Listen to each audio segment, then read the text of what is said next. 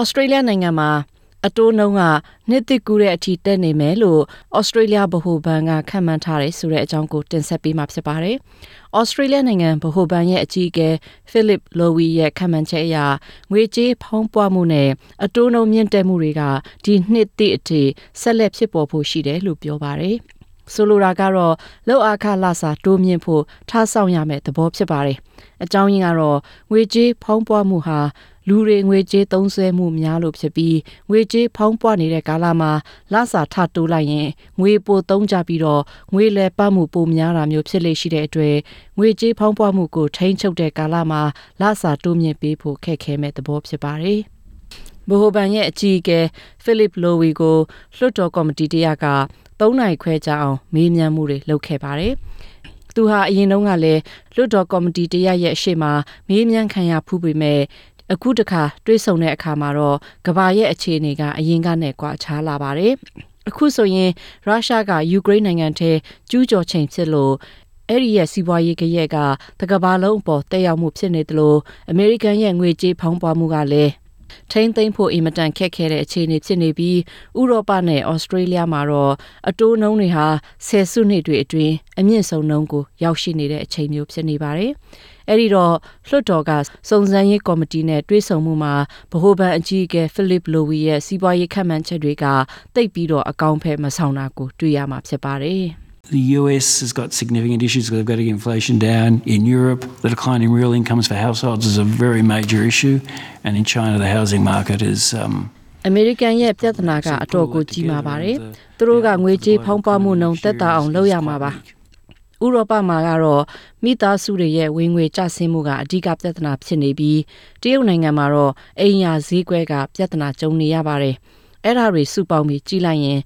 လာမယ့်နှစ်ကမ္ဘာစီးပွားရေးရဲ့အလားအလာက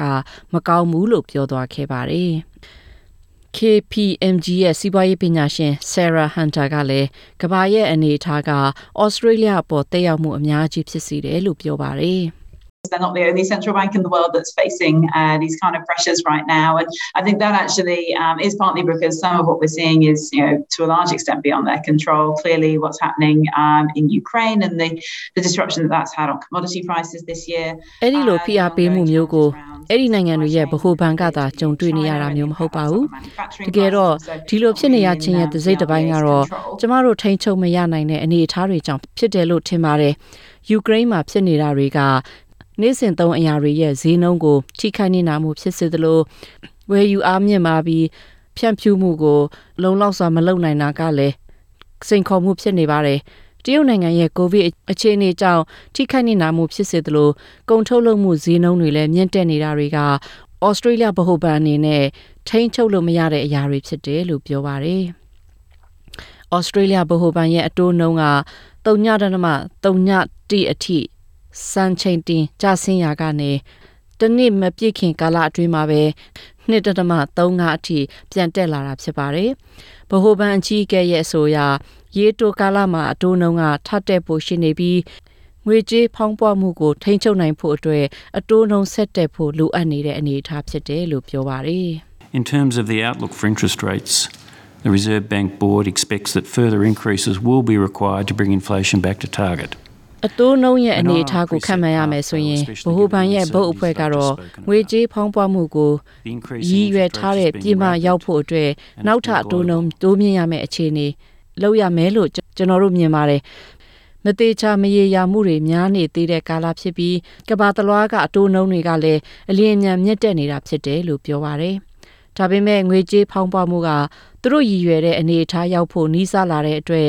တိတ်မကြခင်မှာအတိုးနှုံးအလျင်အမြန်နှုံးနဲ့တက်နေတာမျိုးမဖြစ်အောင်ဆောင်ရွက်နိုင်မယ်လို့မျှော်လင့်မိတဲ့အကြောင်းလည်းပြောပါတယ်။ဩစတြေးလျနိုင်ငံတလွှားမှာအိမ်ဈေးတွေထကြတာမျိုးလည်းဖြစ်နိုင်တယ်လို့ဖိလစ်လိုဝီကပြောပါတယ်။ Not a forecast, but it would not surprise me if prices came down by a cumulative 10%. ခံမှန်းချက်တော့မဟုတ်ပါဘူးဒါပေမဲ့အိမ်ဈေးတွေ30ရာခိုင်နှုန်းလောက်ကျဆင်းလာမယ်ဆိုရင်လည်းကျွန်တော်အနေနဲ့အံ့ဩမိမှာမဟုတ်ပါဘူးအဲ့ဒီလိုဖြစ်လာမယ်ဆိုရင်တော့3နှစ်အတွင်းမှာ15ရာခိုင်နှုန်းအထိဖြစ်လာနိုင်တယ်လို့ပြောပါတယ်ဗဟိုဘဏ်ကငွေကြေးဖောင်းပွားမှုနှုန်းကို200ခိုင်နှုန်းနဲ့300ခိုင်နှုန်းအကြားမှာထားရှိဖို့ရည်ရွယ်ထားတာဖြစ်ပြီး စီးပွားရေးဆက်လက်ကောင်းမွန်ဖို့က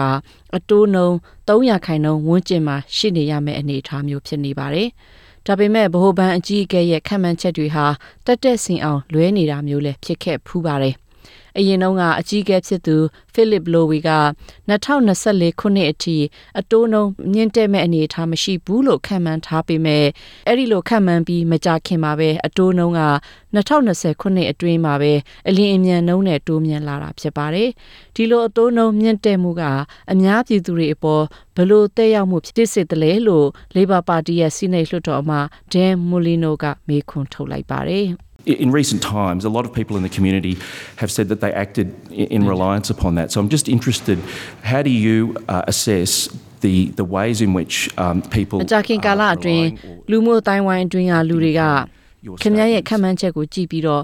light လောက်ကြတယ်လို့ပြောကြပါတယ်။အဲ့ဒီတော့ဒီလိုခံမှန်းချက်မျိုးကိုဘယ်လိုတွက်ချက်ပြီးထုတ်ပြောရတယ်လဲဆိုပြီးတော့မေးခွန်းထုတ်ခဲ့တာဖြစ်ပါတယ်။ဗဟိုဘဏ်အကြီးအကဲဖိလစ်လိုဝီကတော့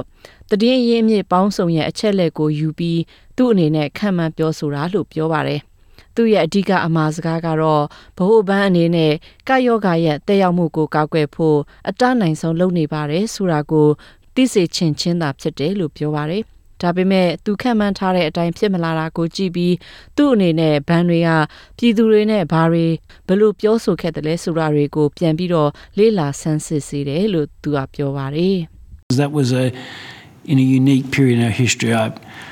will be much less inclined to do that in the future. But I still think it was the right thing to do in that time. Others disagree with that because, but I don't think it's kind of going to be part အဲ့ဒီလိုအခြေအနေကကျွန်တော်တို့ရဲ့တမိုင်းမှာထူးခြားတဲ့ကာလဖြစ်ပြီးအနာဂတ်ကြရင်အဲ့ဒီလိုလုပ်ဖို့စိတ်ကူးမရှိပါဘူး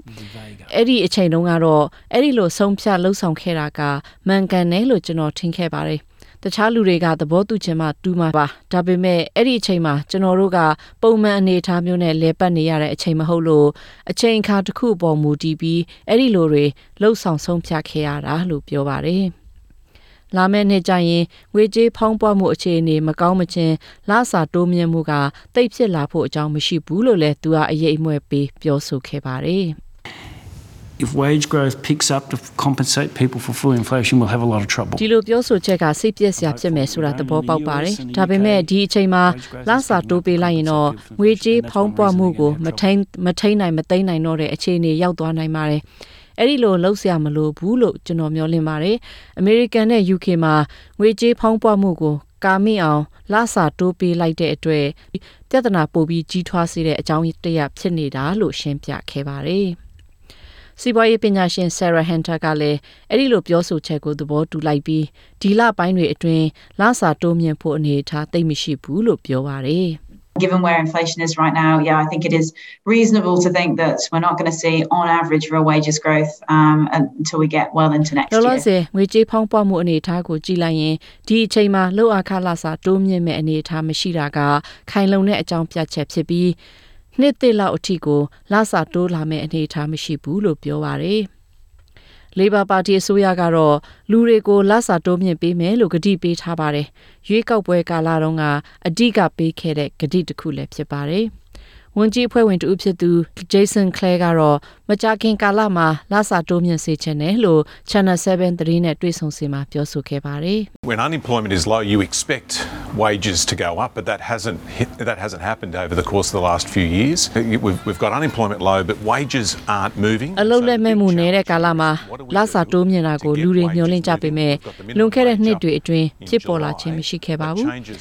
။အလုပ်လက်မဲ့မှုနှုန်းကျဆင်းနေတာကကောင်းတယ်လို့လည်းထပ်လောင်းပြောဆိုခဲ့ပါတယ်။အတိုက်ခံ Liberal Party ရဲ့ဒုကောင်ဆောင်စူဇန်လေကတော့လုပ်ငန်းရှင်တွေလိုအပ်တဲ့အမှုတန်းတွေရှာမရတာကိုလည်းသူ့အနေနဲ့စိုးရိမ်ပေးတယ်လို့ပြောပါတယ်။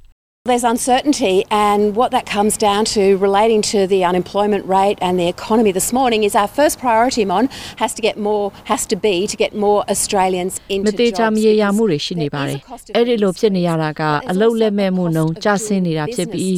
ဩစတြေးလျနိုင်ငံသားတိုင်းအလုတ်ကန်ရရှိရေးအတွက်ဦးစားပေးချိန်ဖြစ်ပါတယ်။ ဘာဖြစ်လို့လဲဆိုတော့ကုန်ကြစရိတ်ကိုကာမိအောင် အလုတ်လုပ်ကြရတာဖြစ်ပြီးလုပ်ငန်းလည်းပနိုင်အောင် အလုတ်ရှင်တွေကလည်းစ조사လုပ်ကင်နေကြရတဲ့အတွက်ဖြစ်တယ်လို့ပြောပါတယ်